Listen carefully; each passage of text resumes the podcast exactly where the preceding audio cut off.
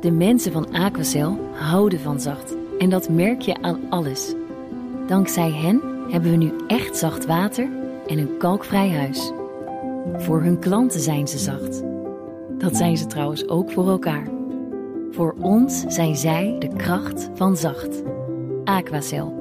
100% zacht water, 100% kalkvrij. BNR Nieuwsradio. The Big Five. Diana Matroos. Machtspelletjes op de werkvloer, ze zijn van alle tijden. Maar de laatste tijd komen er wel heel veel excessen naar buiten. Waarbij scheve machtsverhoudingen tot grensoverschrijdend gedrag leiden. Hoe komt dat nou? Hoe ontstaat een giftige bedrijfscultuur? Hoe zorg je voor macht en tegenmacht in je bedrijf? En hoe creëer je uiteindelijk die cultuur waar iedereen zich veilig voelt? Dat wil ik weten en daarom spreek ik deze week met de vijf kopstukken in BNR's Big Five van macht op de werkvloer. Vandaag doe ik dat met socioloog en cultureel antropoloog Matt de Vaan. Uh, vanuit die rol is hij communicatie- en organisatieadviseur bij Van de Bunt Adviseurs. Uh, bekend onder andere van ook Lodewijk Asscher en Ila Kassem.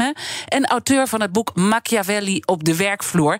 Matt, welkom, fijn dat je er bent. Dankjewel. Ik ga zo meteen natuurlijk aan je vragen wat jouw belangrijkste advies is aan de macht uh, binnen organisaties. Maar voordat we dat gaan doen, wil ik eerst twee dingen van je weten. Allereerst, wat is nou de definitie van macht op de werkvloer? Want niet iedereen weet dat echt goed, denk ik. Nee, dat klopt. Dat klopt. Nou, er zijn misschien wel honderden definities, uh, honderden boeken. Er is natuurlijk uh, tientallen jaren, misschien wel eeuwen, al veel over macht geschreven. Hè? Dus er is niet gewoon één definitie. Maar wat ik zelf wel een hele eenvoudige en toch wel treffende vind, is een definitie ergens uit de jaren 50 van de vorige eeuw van de meneer Daal. En die zei eigenlijk: macht is het vermogen van de een om de ander iets te laten doen wat hij of zij eigenlijk niet wilde. Een hele heldere definitie. Heel simpel. Ja. Hè? ja. Um, en verder zou ik daar eigenlijk aan willen toevoegen. Kijk, mijn onderzoek naar macht op de werkvloer.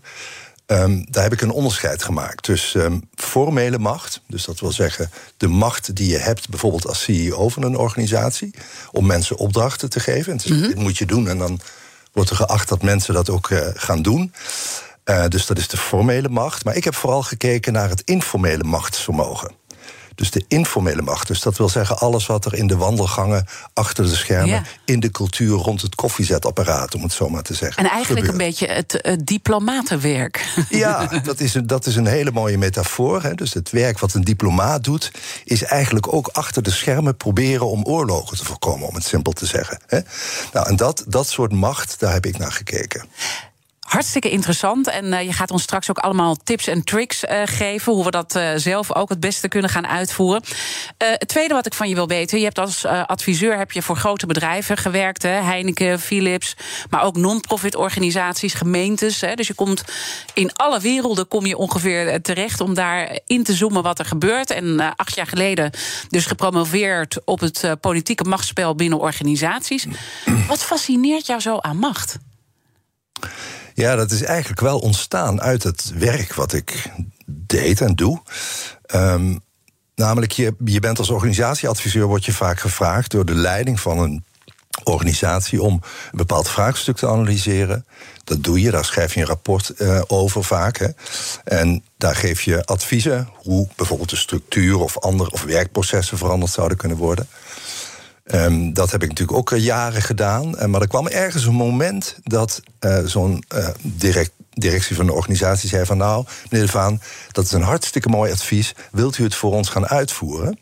En dan ging je dus de organisatie in. Dus je ging eigenlijk uit de boardroom, om het zo maar eens te zeggen... de werkvloer op. Ja, ja. En dan bleek plotseling dat datgene wat jij had geadviseerd... en die analyse die je had gemaakt... dat die heel lastig was om uit te rollen, zoals dat dan in ja, dat vreselijke want dan komt die heeft. tegenmacht, die Dan komt die macht. tegenmacht, ja. Dus dan gaan, er, gaan mensen zeggen, ja, ik ben het helemaal niet eens, niet mee eens... en ik wil het anders en zo. En dat vond ik dus een uitermate interessant verschijnsel. Ik ben natuurlijk qua opleiding een, een antropoloog en een socioloog... dus het, het, het prikkelde mijn nieuwsgierigheid. Ik dacht, oh, wat, wat gebeurt daar nou Ja. precies? En dan heb je je boek heb je, eh, vorig jaar gepubliceerd. Hè? Dat noem je dan eh, Machiavelli op de werkvloer. En dan eh, ja, denk dat Machiavelli kies je niet onbewust natuurlijk. Er zit ook een donkere kant aan. Ja, dat is een beetje de. ja, moet je het nou zeggen? Dat is eigenlijk wel het jammeren rond de figuur Machiavelli.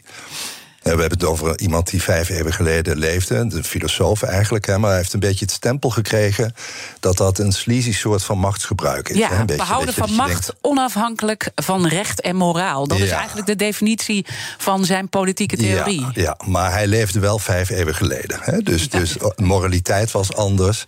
Laten we zeggen. Ja, de manier waarop je als samenleving met elkaar in contact was. Hè, nou, internet, noem het maar, het was er niet. Eh, dus het is een hele andere tijd. Hè. Dus de, je moet Machiavelli, bijvoorbeeld zijn geweldige boek De Heerser... dat kan ik iedereen aanraden, ook niet lezen met in je hoofd de tijd van vandaag... waarin alles heel genuanceerd is, maar je moet het eigenlijk lezen... in de tijd van de vorstendommen rond Florence.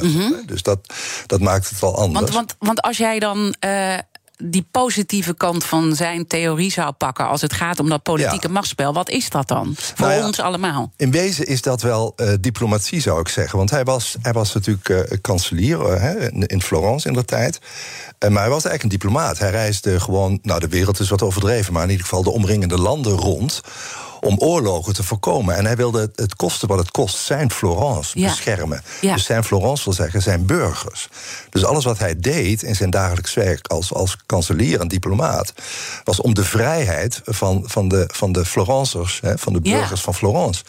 voor elkaar te krijgen. En dan terug naar ons Dus de allemaal. macht, nog, nog één Ja. ding. Kijk, want de macht was in die tijd in handen van, van vorstendommen en, en de Borgia's en dat soort Ja. machtige Mhm. families. En, nou, en, en daar, de- hij, hij, hij probeerde eigenlijk ervoor te zorgen dat de burger zijn eigen situatie in zijn hand kon nemen. En dat, Dat is dus eigenlijk voor jezelf opkomen dan. Ja, Je staande houden. Ten diepste, krachtig. ja, ten Ja. diepste zit dat in zijn filosofie. En als we dan nu de, de link weer naar de werkvloer pakken... Hè, want het thema deze week is macht op de werkvloer. Ja. Je hebt al uitgelegd, je hebt die formele en die informele macht. En de formele macht, dat is nou ja, gewoon de CEO, de baas, de directeur. Ja. Eh, wie is er in deze tijd doorgaans de baas op de werkvloer?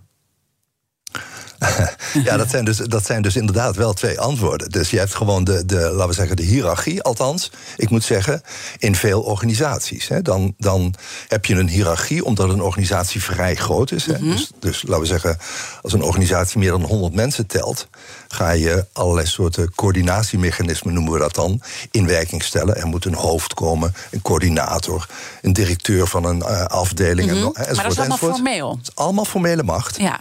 Ehm, En luisteren we dan, laat ik het zo zeggen, luisteren in deze tijd nog altijd naar de formele macht? Nou, Ja, want dat dat was vroeger zo, van Ja. je luistert naar de baas, of is dat veranderd? Ja, dat is, natuurlijk is dat veranderd. Absoluut, absoluut. Als, je nu, als wij nu, laten we zeggen, in de jaren 50 zouden leven... of begin 60er jaren, tot 68 zou ik willen zeggen... eh, dan was dat zeker nog het geval. Dan nam je aan dat wat de baas zei, dat dat de waarheid is. Terwijl nu leven we echt in een tijd dat iedereen zijn eigen waarheid... en zelfs zijn eigen werkelijkheid maakt. Hè? Dus we leven nu bijna in een tijd dat je moet afvragen... wat is eigenlijk waar? Hè, Ja. om, omdat, dus dat is echt een hele andere tijd. Ja, want die Ehm, samenleving die we natuurlijk met z'n allen creëren, ook buiten. Hè, eh, nou ja, hashtag MeToo. We gaan het straks ook over machtsmisbruik hebben. De Black Lives Matter beweging. Maar ook des, desinformatie. Hè, wat is waar? Zeker, zeker. Eh, dat komt natuurlijk ook een bedrijf in. Ja, absoluut. Ik denk ook eerlijk gezegd dat als je er, laten we zeggen, over twintig jaar of zo op terugkijkt, over op deze periode, vanaf, eh, nou, pak hem eens bij 2000 zo'n beetje, deze afgelopen twintig jaar, dat je dan zult vaststellen dat dat een heel bepalende twee decennia was, juist vanwege eh, de internetontwikkeling, hè, dus social media, het feit dat we alles overal kunnen zien, onze mening kunnen geven via Twitter, noem het allemaal maar op, dat is wel heel bepalend, ja. Ja. Eh, tegelijkertijd is het ook cultuur. Hè? Het is niet een soort van georganiseerde tegenmacht. Het, is, het ontstaat, hè? MeToo ontstaat. Mhm. Ontstond, ik geloof, dacht ik, bij het begin van één Twitterbericht, dacht ik.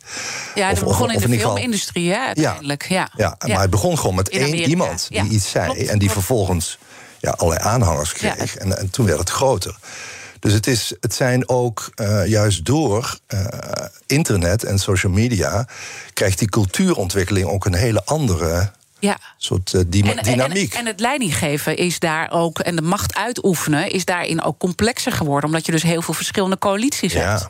Ja, daar moet je rekening mee houden, dus als leider. En dat Ja. is een stuk ingewikkelder dan in 1954. Ja, en toch eh, eh, ehm, merk ik als ik jouw boek ook lees en me verdiep in jouw verhalen, dat je toch ook verbaasd bent dat de informele macht toch nog niet zo goed georganiseerd is. Dat er eigenlijk eh, te weinig tegenmacht is. Dat we toch nog te vaak luisteren naar de baas.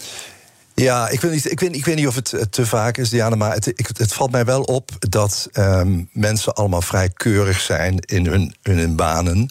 En allemaal precies doen wat de baas zegt. En dat is natuurlijk op zichzelf lovenswaardig. Hè? Dus dat je gewoon, laten we zeggen, met een, met een goede arbeidsmoraal je taak doet. Ja, Hè? heel plichtsgetrouw. Ja, heel plichtsgetrouw. Maar ik, tegelijkertijd zie ik ook wel dat er ook wel veel gepikt wordt, zou je kunnen zeggen. Hè? Dus ehm, ja, wat ik zelf wel een interessant, interessant manier van, of een interessant punt vind om eens over na te denken. Er worden wel eens. eh, zeg maar rottigheden in organisaties of dingen die lastig zijn in een organisatie naar buiten gebracht door een klokkenluider bijvoorbeeld. Hè? En daar hebben wij allemaal vreselijk eh, respect voor, of althans de meeste van ons. Dat zijn moedige mensen. Ja. Laat dat nou, ze wel worden ook heel erg tegengewerkt. Hè? Voilà. Ja. Nou ja, dat, daar wilde ik naartoe. Van, Ja. Ze zijn dus aan de ene kant moedig omdat ze opstaan en, een, een, zeg maar wat zij vinden wat een onrecht is naar buiten brengen. En tegelijkertijd, ja, we hebben de mond vol van klokkenluiders, huizen en weet ik wat voor regelingen allemaal. Maar die, die klokkenluiders die eindigen meestal niet zo vrolijk. In oude caravans op, eh, weet je wel, op, op achterafplekjes. Dus mijn punt is, daar wil ik naartoe. Van ik denk dat er veel meer georganiseerde tegenmacht nodig is. Hè? Dus met één iemand red je het niet. The Big Five. Diana Matroos. Mijn gast is Matt de Vaan. Hij is communicatie- en organisatieadviseur en schrijver van het boek Machiavelli op de werkvloer. Je zei al, die tegenmacht is superbelangrijk om tot de machtsbalans. Hè? Het gaat over macht en tegenmacht en je hebt ze allebei nodig. En die tegenmacht die zou eigenlijk beter georganiseerd eh, moeten worden. Want dat is uiteindelijk beter voor het bedrijf. Ja, dat is absoluut beter. Ja, de, de, Want een baas zal het niet leuk vinden, misschien ook, die tegenmacht. nee, hè? misschien niet, maar, maar ontwikkeling van een organisatie heeft daar wel mee te maken. Dus mensen die. ehm, ja, dat zul je ongetwijfeld herkennen. Bijvoorbeeld, laat ik, laat ik zeggen, mijn onderzoek... en trouwens andere onderzoeken hebben ook aan het licht gebracht... dat dingen als innovatie, dus vernieuwing... Ja, die kunnen eigenlijk alleen maar ontstaan als je zo min mogelijk structuur geeft. Of met andere woorden, beknellingen geeft aan, aan mensen. Hè. Dus, je, dus vrijheid. Vrijheid is een heel belangrijk, Ja, cruciaal begrip. Hè. De titel van mijn promotiestudie is ook tussen vrijheid en beperking. Hè. Vinden Dus- bazen vaak lastig. dat vinden, vinden bazen vaak lastig, maar het is wel als je ruimte geeft aan mensen, dus ook ruimte aan tegenkracht. Ik Mhm. vind iets anders. Daar ontstaat wel ontwikkeling uit. Dat weten we gewoon uit onderzoek. Hè. Dus vernieuwing ontstaat daaruit. En toch zeg je van, eh, ehm, oké, er wordt er misschien te weinig ruimte gegeven... maar het zit denk ik ook in ieder individu... dat mensen het ook misschien niet zo fijn vinden om macht uit te oefenen. Ja. Toch, dat moet je herkennen. Het is een beetje een vies woord ook. Ja, macht. dat is waar. Dat is waar. Er hangt een zweem om van, ja, een beetje achterkamertjes. Dat is allemaal zo leuk. En rattengedrag en zo. Dus die negatieve kant, die, eh, ja, die voert een beetje de boventoon in de beeldvorming rond het woord. Maar ik, ik zie dat echt anders. Ik vind dat, dat je daar veel neutraler naar moet kijken. En jij zegt net van, ehm, zeg maar, je zou mensen de ruimte moeten geven. Ehm, dat hoef je niet te doen vanuit het perspectief van de leider, als het ware. Dat je zegt van nou, ik geef mijn mensen de ruimte en dan. Mijn punt is meer dat ik vind dat de, dat de mensen zelf die macht in zichzelf moeten vinden Ja. en samen die tegenmacht gaan ontwikkelen. Als een coalitie. Ja, dus dat zit veel meer in de cultuur. Dus met andere woorden, daarom eindigde ik straks even met die klokkenluider. Eh, in je eentje red je het vaak niet. Nee. Hè, Dus macht ontwikkel je ook samen. Of althans de meest effectieve macht. En dan heb je het over coalities. Dus met anderen praten en zeggen: wat vind jij er nou van? Moeten we daar actie op ondernemen? Kunnen we dat? Weet je wel? Dus groepen mensen gaan vormen die andere denkbeelden hebben dan anderen. Dat Ja. geeft de dynamiek in organisaties en dat geeft ontwikkeling. Ik wil straks een, een- paar tips, hè, dat Ja. iedereen ook wat meer beslagen ten ijs komt eh, na deze uitzending. Ehm, maar m, toch nog even het gevaar benoemen. eh, eh, je hebt het gevaar voor de organisatie wel benoemd. Hè, dat je hebt gewoon macht en tegenmacht eh, ook nodig in een bedrijf. Want nou ja, misschien moet je toch nog uitleggen van waarom is dat zo belangrijk voor het bedrijf? En waarom is het zo belangrijk voor het individu? Met andere woorden, wat is het gevaar als je het niet hebt? Nou, als je het niet hebt, ehm, dat zit een beetje in ons mensen allemaal. Dat we toch ook uh, routinedieren zijn. Hè? Dus, dus je bent, dat geeft jezelf namelijk zekerheid. Dus de dingen die je doet, daar, daar ontwikkel je een, zeker, een zekerheid bij. Dat je mhm. denkt van nou, dat, dat, kan ik goed. En dat, zo zit dat ook in organisaties. De manieren waarop organisaties werken en ze zijn succesvol. Dan denk je, nou, waar, waarom zou ik het überhaupt veranderen? Want het gaat toch goed. Hè? Ja. En, en dat is eigenlijk um, wat je niet al te lang moet hebben. Want, want dan, dan, dan sta je stil. Ja. Dan sta je stil. Je moet natuurlijk altijd op zoek naar nieuwe. Zeg maar in de profit is dat zeker het geval, maar ook in de not-for-profit. Op zoek naar nieuwe kansen, nieuwe mogelijkheden. Wat gebeurt er? Waar zien we kansen? Ja. En als je nou alleen. Ja, waar zien we ook gevaren? Hè? Want ik weet dat de toeslagenaffaire jou aan het hart gaat. Voilà. Uh, uh, daar is ook een, een, cultuur gecreëerd, misschien waar mensen niet genoeg tegenmacht bij de Belastingdienst hebben georganiseerd. Ja, hebben, en waarschijnlijk ook wel hebben kunnen organiseren. Hè? Want daar, daar speelt, uh, laten we zeggen, de de, de, de software systemen, de automatisering een hele belangrijke rol. Hè? dus, dus, dus, je, dus je wordt als het ware door die software systemen gedwongen in een systeem. Hè? Dus de, de mensen die die signalen moesten oppikken voor de Belastingdienst mhm. hè, van zogenaamd verdachte burgers, die moesten dat intikken in het systeem. En daar zat de algoritme achter en zo enzovoort. Dat is ook heel lastig om tegen dat systeem, hè, de, de System Says No idee, hè, om daar tegen te vechten. Maar dat zou ik wel willen. Ik zou wel willen dat zeg maar, in die Belastingdienst er ook mensen zijn die zeggen: Nou, dit gaat mijn ethische norm toch te boven, wat ik hier zie gebeuren. Mhm. En daar probeer ik medestanders voor te vinden. En daar ga ik politieke actie op voeren in mijn bedrijf. Dat zou ik wel mooi vinden. Ik wil straks natuurlijk uh, weten waar die grenzen liggen. Die, die, ook die ethische machtsvraag. Eén uh, aspect wil ik nog dat je uitlegt um, voor dat individu. Hè, want je hebt nu voor de organisatie beschreven wat het gevaar kan zijn als er geen tegenmacht is. Maar je, je, je maakt ook ergens een brug met het individu. Dat als iemand te plichtsgetrouw is en dus niet uh, dat politieke spel beheerst, dat hij zichzelf uiteindelijk tegenkomt. Ja, zeker, zeker. Kan je dat uitleggen? Wat gebeurt er dan? Ja, wat er gebeurt is eigenlijk het volgende. Als jij um, een baan hebt en je blijft alleen maar in het spoor denken en doen van datgene wat de baas van je vraagt. Dus met andere woorden, wat is mijn taak? Wat zijn mijn verantwoordelijkheden? Wat moet ik doen? Ja. Dan ben je heel plichtsgetrouw. Dan doe je dus alles wat die baas van jou vraagt. En er is ook uit onderzoek bekend dat als je alleen maar dat blijft doen wat de ander van je vraagt, en dat wordt namelijk steeds meer want dan doe je het, hè, want je wilt het ook goed doen. Ja. Dan zegt hij bij, oh je doet het goed. Je kan er best nog wel een dingetje bij. Ja. En dan komen er allemaal dingen bij. En dat leidt vaak tot, tot situaties van burn-out of stress of overwerktheid. Terwijl als je je realiseert dat er naast die formele opdracht die jij hebt van je baas ook een informele werkelijkheid is. Er zijn ook wandelgangen. Je kunt ook een beetje dansen op de werkvloer. Het gaat niet om die vergadertafel. Het gaat niet om die vergadertafel. Het gaat nou juist om die wandelgang. Hè, of om, om, die, om die situatie buiten die vergadertafel. Ja. Maar het leidt, kijk, het punt is, ik, ik, ik heb ook veel managers begeleid die tegen die rand aanzaten van in het rood gaan. Hè. En dan wat ik dan probeer is uh, die leidinggevende te helpen om juist dat politieke te zien. En te zien dat je niet alles hoeft uh, te doen wat je baas je zegt. Want je hebt namelijk ook je professionele autonomie. Ja. Wat vind jij als uh, autonome, zelfstandige professional belangrijk om te doen? Ja. En dus dat kan betekenen, heel praktisch gezien, dat je zegt: als je bijvoorbeeld een opdracht is om een beleidsnotitie af te maken voor aanstaande maandag, heb je nog maar een paar dagen voor, dat jij ook een oordeel kan maken van: oké, hoe relevant is dat eigenlijk dat ik dat maandag af heb. Maar misschien kan het ook op een later moment. Ik noem maar even wat. Ja. En dat je dan niet onmiddellijk één op één zegt: Oké, baas, dat ga ik doen. En zondagavond zit ik tot 12 uur te nee, werken. Dus je moet de dingen uh, begrenzen, maar tegelijkertijd zeg je ook: uh, je kan het niet alleen. Dus we gaan nu echt een beetje uh, de tips in. En de beste goed. leerschool is natuurlijk Politiek Den Haag. Want Zeker. die beheersen zowel het formele deel heel goed, wat we ook allemaal zien aan de buitenkant.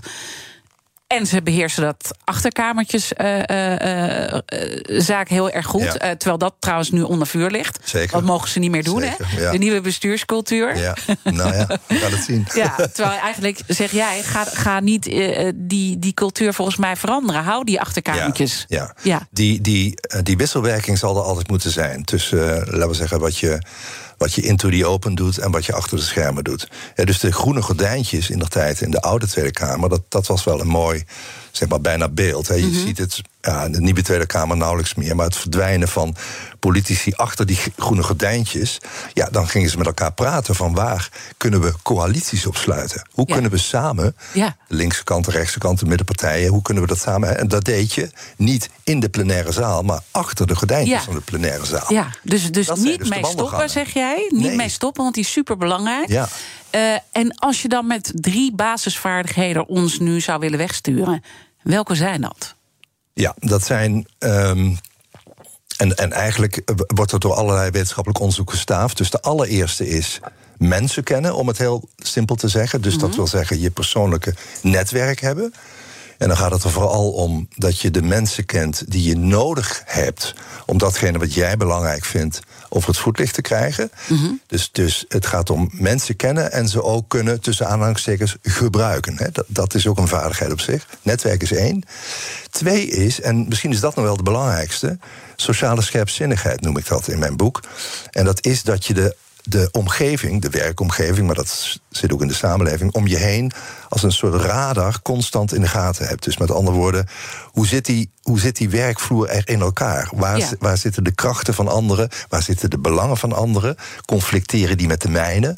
Welke coalities heb, heeft hij of zij om je zijn zegt belang? eigenlijk zou je dat een beetje schematisch ook Ja. moeten uitwerken voor jezelf. Hè? Ja, ik zeg wel eens in, in, eh, zeg maar, tijdens colleges dat mensen op grote vellen sociogrammen maken. Gewoon met bolletjes en namen en belangen erbij. Ja, dat je een beeld krijgt van hoe is het speelveld om mij heen. En als je dat speelveld in kaart hebt, dan kan je veel beter je spel Is het spelen. niet doodvermoeiend? We gaan zo nog- wel wat meer tips door, maar het lijkt me doodvermoeiend. Ja, het Eh, en het gaat Dat ten koste het van het formele werk, zeg ik dan. Zeker. Je moet dat ook, en dat doe je ook niet, eh 24-7 doen als het ware. Eh, maar het punt is, ik denk wel dat het relevant is, en dat is wel een belangrijke tip, tenminste in mijn ogen, dat je de dingen in je werk die jij belangrijk vindt, dat je daar keuzes in maakt. En zegt, in de komende maand gaat dit voor mij belangrijk worden, of het komende jaar. En daar ga ik dan mijn politieke spel op inzetten. Yes, dus je moet ook heel goed weten wat je zelf wilt. Juist. eh, en daar keuzes in maken. En hoe je dat eh, doet, hoe je die analyse maakt, dat ga ik zo meteen met je bespreken. En dan komen we ook bij de grenzen aan. Ja, En wanneer gaat is- het in machtsmisbruik over? Ik praat zo meteen verder met communicatie- en organisatieadviseur Matt de Vaan. Blijf luisteren. Ik ben Olivier van Solft. Betaalt u te veel huur of huurt u te veel kantoorruimte? Solft heeft de oplossing. Van werkplekadvies, huuronderhandeling tot de verbouwing. Wij ontzorgen u. Kijk voor al onze diensten op soft.nl. BNR Nieuwsradio. The Big Five. Diana Matroos. Welkom bij tweede half uur. Deze week praat ik met vijf kopstukken uit de wereld van macht. Morgen dan sluit ik de week af met regeringscommissaris grensoverschrijdend gedrag Mariette Hamer. Mijn gast vandaag is Matt de Vaan.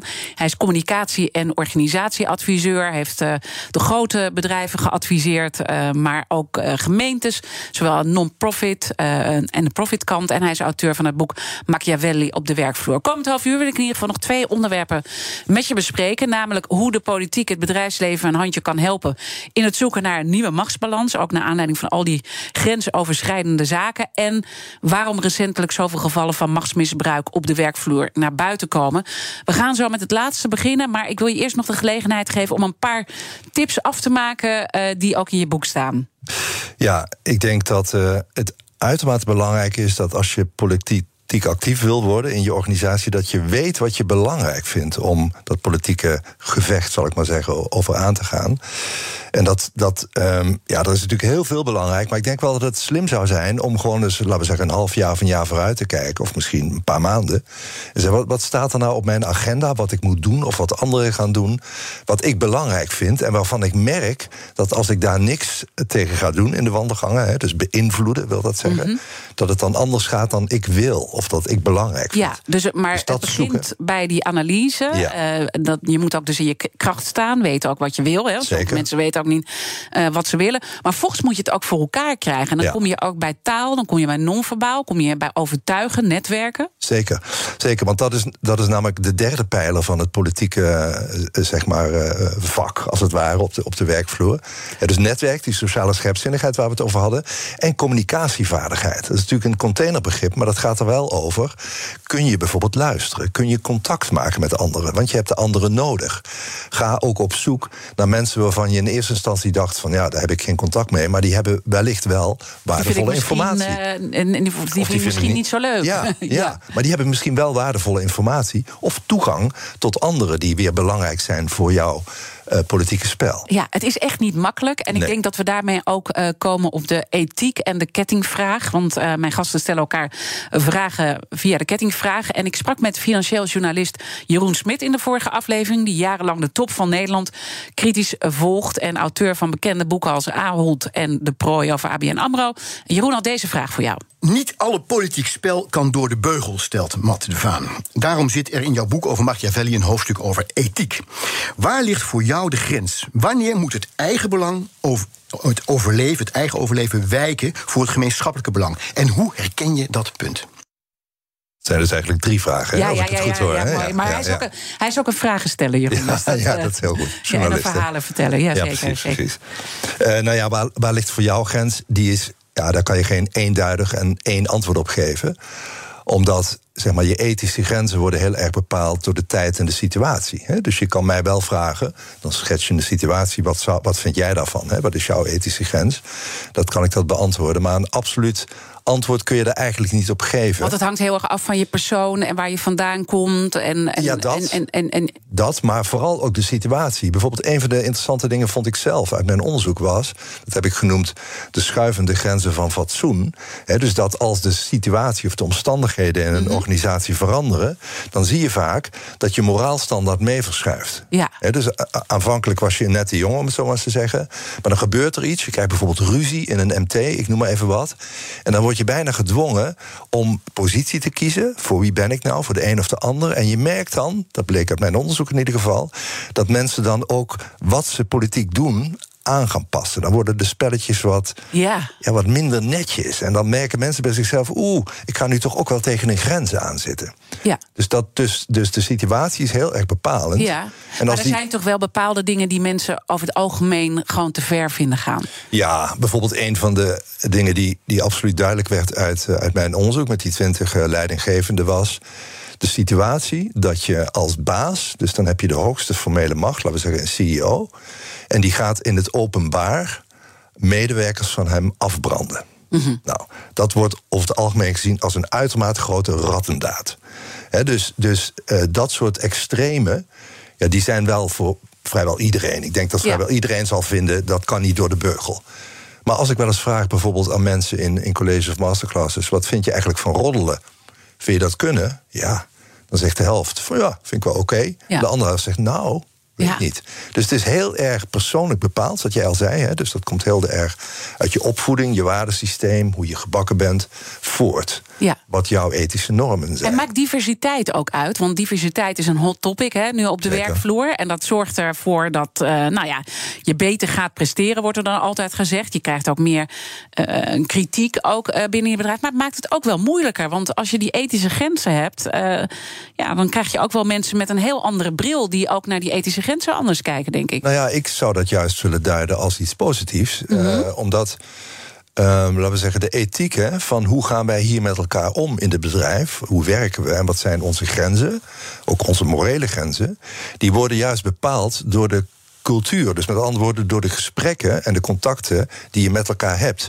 En als je een diverse cultuur hebt, krijg je ook heel veel verschillende opvattingen over wat de een geaccepteerd vindt en de ander niet. Ja. En uit dat debat, ook dat heeft weer een beetje te maken met macht tegen macht. Hè? Ja. Dus door discussie te krijgen, debat te krijgen. Uh, Hekel noemt dat dialectiek. Hè? Ja. Dus laten we zeggen, de een vindt dit en de ander vindt dat. En je krijgt debat. Ja, dan gaat telkens ook die uh, moraalstandaard mee verschuiven. Dus je bepaalt, mijn punt is eigenlijk dat je samen bepaalt. Ja. En als je een diverse samenleving en organisatie hebt, dan is die rijker, dus qua Mhm. opvattingen. Je bepaalt samen wat de ethische norm is. En is dan, uh, want dan komen denk ik ook uh, zo langzamerhand uit bij het grensoverschrijdend gedrag, wat Ja. overigens niet jouw expertise is. Het is ook belangrijk om bij te zeggen, maar je, je kijkt natuurlijk naar al die organisaties. Is dat ook wat we nu zien gebeuren door die diversiteit ook die steeds meer binnen organisaties komt, dat ook een nieuwe moraal ook ontstaat en uh, dat dit soort zaken ook nu naar buiten komen? Of is het erger geworden qua grensoverschrijdend gedrag? Mm, ik weet niet of het erger geworden is. Dat heb ik geen onderzoek naar gedaan. Nee. Maar, maar, gedaan maar, maar je kunt wel, wa- wa- wat we straks zeiden, de afgelopen twintig jaar, hè, dus dat social media een belangrijke rol zijn gaan spelen, hè, het begin van die MeToo-beweging en zo, dat die omstandigheid, dus dat we via internet, zal ik maar zeggen, met elkaar kun- kunnen communiceren, ja, dat zorgt er ook wel voor dat die discussie over wat ethisch eh, kan en niet kan, sneller, intenser, eh grootser gevoerd werd, wordt dan bijvoorbeeld, eh, laten we zeggen, eind jaren 50. Ja. Toen bepaalden gewoon, laten we, de- laten we zeggen in Nederland, de zuilen, of de, de katholieken, de protestanten en de andere eh, zeg Ja. maar, blokken in de samenleving, wat goed en niet goed was. En op de nu bepalen we het allemaal. Ja, en op de werkvloer bepaalden met name mannen hoe het eruit eh, eh, zag. Hè? Want dat nou ja, zijpelt ook door deze Ja, hele week eh, zeker. doorheen. Zeker. Het verschil tussen mannen en vrouwen. En ook wel de mannen die nu. Je bent zelf een man. Ja. Mannen die enorm ook onder vuur komen te liggen. Slaat het niet af en toe ook door? Nu? Ehm, Voel je ja. als man nog een beetje prettig op die werkvloer? Ik heb de neiging om te zeggen, ja, het slaat soms wel door. De andere kant is dat ehm, ik heb ook eh, de jaren zeventig meegemaakt. En ik heb zelf ook in mannenpraatgroepen gezeten in die tijd. Hè. Dan hebben we het over de eerste en de tweede feministische golf. Ja. Dat gebeurde toen ook. Hè. Dus als de, als de ene kant, in dit geval de vrouwen dan, hè, om, het, sim- om het simpel mannen-vrouwen te houden. Als de vrouwen kracht ontwikkelen en macht ontwikkelen, zoals met Dolomina gebeurde. Ja, dan is de andere partij, dus dat waren de mannen, die gaan denken: wat moet ik doen? Wat moeten we Dus die kropen ook bij elkaar. Ja. Dus dan, en dat zie je nu ook weer gebeuren. Dat je denkt, ja, mannen, mannen moeten ook bij zichzelf afvragen van... oké, kan dit nog wel of kan dit niet? Merk ik bij mezelf ook. Ja, je bent toch Ja. voorzichtiger geworden. Ja. Ik kan jou misschien een hand geven, maar kan ik ook een hand op jouw schouder leggen of zo? Ja. Ik weet het niet. Maar, maar vanochtend bijvoorbeeld liep ik weg uit de studio. Ik, zal- ik, ik- ik was hier bij Bas van Werven mijn verhaal aan het vertellen dat jij eh, kwam. Ja. Hè? Dan doen we altijd zo'n aankondiging.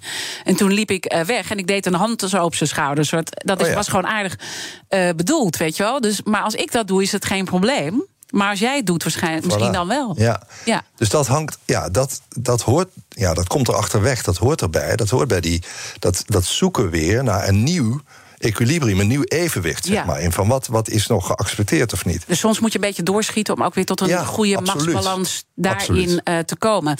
Ja. Eh, jij bent natuurlijk eh, eh, socioloog, antropoloog en je bent heel erg op die groepsprocessen gericht. En als we even naar alle voorbeelden kijken, hè, die we natuurlijk nu recent zien qua grensoverschrijdend gedrag. Nou ja, we kennen allemaal de voorbeelden, maar laten we het even over de situatie Overmars hebben bij Ajax. Ja. Dan zie je ook, eh, en dat zie je in veel van die situaties, Edwin van der Sar, eh, ook van Ajax, die heeft het dan allemaal eh, niet gezien. Hè? Dus je hebt ook altijd de massa die niet ingrijpt of het niet weet. Hoe- kan jij dat vanuit jouw sociologisch oogpunt verklaren? Vanuit het groepsproces. Nou, ik denk dat je eerder zou moeten zeggen ehm, dat de massa het wel weet. Ehm, en dat. ehm, kijk, als, als een machtig persoon aan de top iets doet waarvan we met z'n allen vinden dat dat niet kan, dan heeft zo'n machtig persoon ook mensen om zich heen. Dat zou je de hofhouding kunnen noemen. Mensen die om hem heen zitten Ja. en die, eh, zeg maar, door de relatie die ze met zo'n machtig persoon hebben, formele macht hebben we het dan over, ook zelf voordelen halen. En dat noemen we, ja, dat is de, de, de hofhouding. En die, ja, zo'n hofhouding zal toch anders praten dan de mensen op de werkvloer. Als jij in een Ajax-organisatie, maar het kan ook een andere organisatie zijn, door de wandelgangen eh, gaat rondwandelen en je gaat overal kleine gesprekjes voeren, dan weet ik zeker dat dit soort dingen naar boven komt. De mensen van Aquacel houden van zacht. En dat merk je aan alles. Dankzij hen hebben we nu echt zacht water en een kalkvrij huis. Voor hun klanten zijn ze zacht. Dat zijn ze trouwens ook voor elkaar. Voor ons zijn zij de kracht van zacht. Aquacel. 100% zacht water, 100% kalkvrij. BNR Nieuwsradio. The Big Five. Diana Matroos. Je luistert naar BNR's Big Five van Macht op de Werkvloer. Eerder deze week sprak ik met hoogleraar en commissaris in het bedrijfsleven, Marjan Olvers, die ook onderzoek doet naar grensoverschrijdend gedrag op de werkvloer. En ik sprak met genderwetenschapper Kautar Darmoni, directeur van de feministische denktank Atria. En zij riep vanuit die rol op om te stoppen met het besje van mannen en zo de emancipatie verder te helpen. Alles is terug te luisteren via de bekende podcastkanalen. Vergeet je dus niet te abonneren ook. Mijn gast vandaag is socioloog en antropoloog Matte Vaan. Hij is communicatie- en organisatieadviseur bij Van de Bunt adviseurs. En ja, we komen nu eigenlijk tot een soort oplossingsrichting die jij ons kan meegeven, ook met jouw kennis van al die organisaties waar je adviezen doet en die machtsbalans die misschien nu even uit evenwicht is. Uh, ik zei net al eventjes, Kautar Damoni zei we moeten stoppen met het bestje van uh, mannen om juist de emancipatie uh, verder te helpen. Dat is natuurlijk heel interessant dat de feministische denktank van Nederland en een vrouw uh, dat zegt. Is, ja. is dat de weg? Als je ook op zoek moet naar die nieuwe machtsbalans? Nou, ik denk, je kan, je kan natuurlijk wel zeggen... we moeten stoppen met het bestje van mannen... maar um, zeg maar, de dynamiek bepaalt zelf wel of dat gaat gebeuren. Hè? Maar op zich vind ik het een uitermate sympathieke gedachte. Ja. Als man voel ik, vind ik dat prettig dat zij dat Ja, zegt. ja, ja, ja. Hè? Want soms denk je ook wel eens van... oeh god, ik word steeds meer bekneld. Hè? Daar hadden we het net even over. Nou ja, het kan ook averechts werken. Hè? Als, als mannen te veel bekneld eh, worden. En soms hoor ik dat mannen ook wel zeggen: van vrouwen gaan zichzelf hier niet mee helpen. Ja. Maar ja, je moet ook weer opkomen voor de positie van een vrouw. of voor mensen met een andere culturele achtergrond. Hè? Dus het is Ja. weer barstig. Ja, dat is Ja. inderdaad waar. Het is inderdaad waar. Nou ja, kijk, ik, ik, ik vind eigenlijk... ehm, ik hoorde Marjan Olvers, en daar ben ik het van harte mee eens... eh, zeggen dat er eigenlijk... Er zijn natuurlijk twee sporen om hier weer een nieuw evenwicht te vinden. Hè? Want laten we wel wezen oplossen. Hè? We kunnen dit niet Nee, oplossen. Hè? nee. We gaan een nieuw evenwicht zoeken. Met andere ethische normen, hopen we. Hè? Dat dat er gaat komen. Door alle inspanningen die we met z'n allen doen. Um, Marjan Olvers zei het ook al. Je hebt aan de ene kant heb je dus wet en regelgeving. Dat geldt voor organisaties ook. Hè. Je gaat dingen opschrijven. Integriteitsbeleid en regels. Dat ga je allemaal opschrijven. Zo zouden we het moeten doen.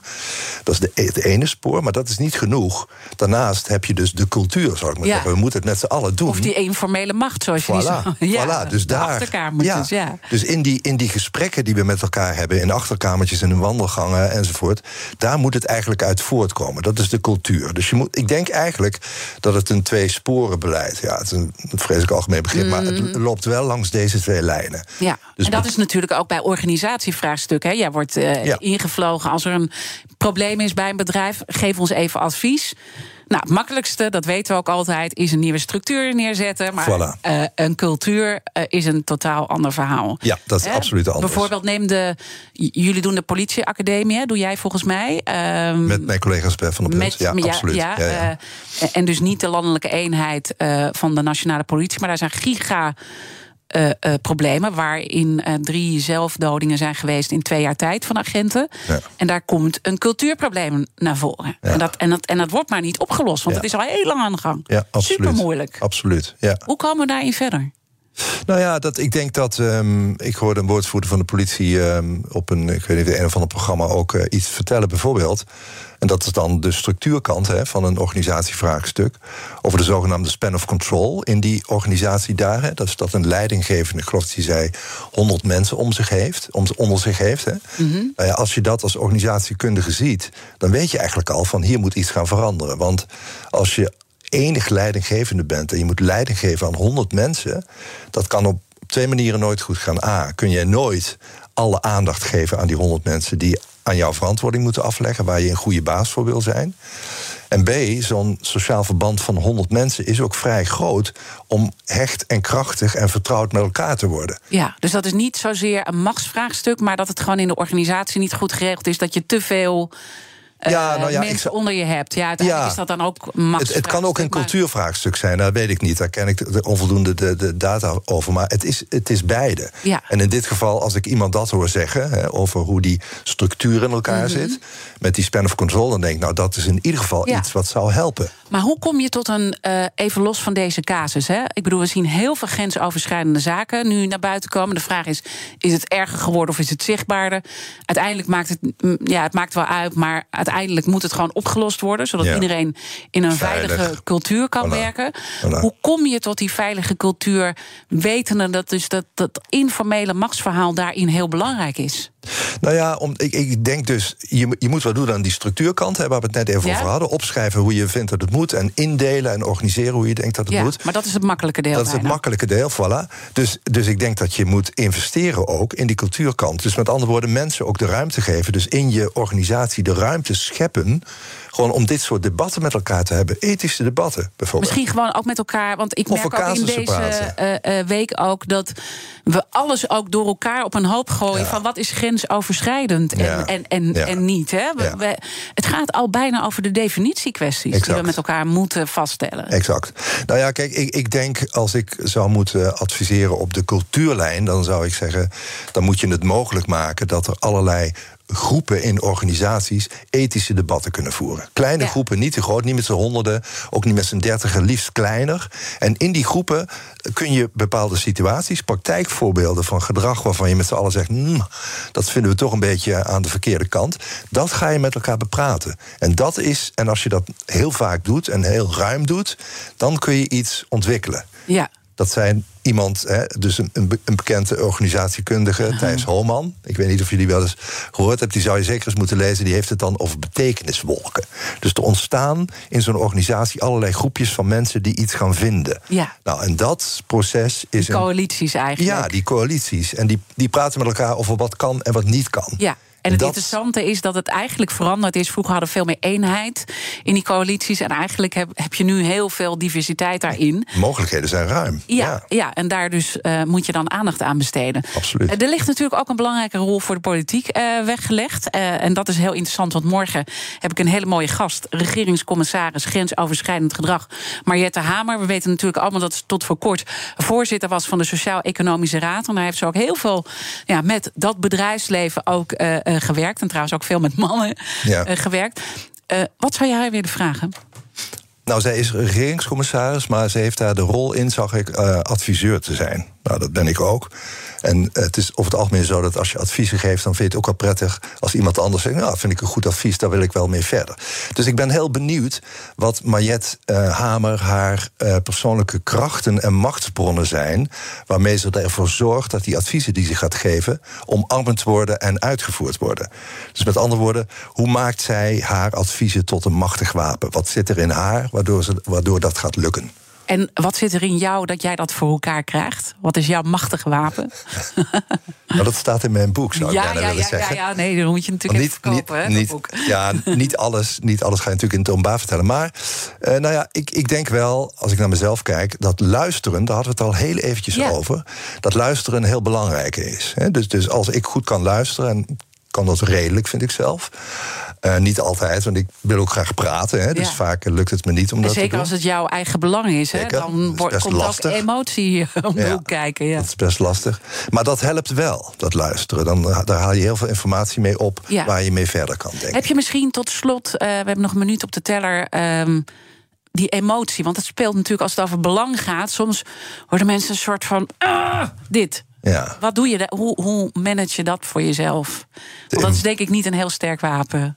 Emotie, oh, als, als nee, ja. nee, in nee, dat of- politieke spel, hè? ja, nee, over het algemeen is dat, is dat wel zo, ja. Dat als je te emotioneel wordt... Kijk, politiek, dat zal meneer Hamer zeker ook wel zeggen... is ook gewoon een vaardigheid, een spel spelen. En daar komen af en toe wel emoties bij voor... maar je moet het toch redelijk cool... cool in de zin van, laten we zeggen, ontspannen kunnen spelen, denk ik. Dat- En je dat moet is het toch- gewoon veel doen, hè? Ja, je moet veel doen. Dan Ja. gaat het je passen als een huid, schrijf ik ergens in mijn boek, geloof ik. Ja, precies. Ik, heb, het, eh, ik heb het ook Oh, zo gelezen. heel ja, ja. Heel mooi. Ik wil je heel erg danken dat je bij ons was en eh, ons wat van tips en tricks hebt voorzien. En als mensen meer willen weten, moeten ze uiteraard je boek lezen. Machiavelli op de werkvloer, geschreven door Matt de Vaan, communicatie- en organisatieadviseur. Natuurlijk zijn alle afleveringen van BNR's Big Five zoals altijd terug te luisteren. Je vindt de podcast in onze BNR-app en op bnr.nl. Maar blijf vooral de hele dag live. Zometeen Iwan Verrips met weer een hele mooie BNR breekt... samen met onze buitenlandcommentator Bernard Hammelburg. Ik wens je een prachtige dag. Ik ben Olivier van Solft. Betaalt u te veel huur of huurt u te veel kantoorruimte? Solft heeft de oplossing. Van werkplekadvies, huuronderhandeling tot de verbouwing. Wij ontzorgen u. Kijk voor al onze diensten op soft.nl.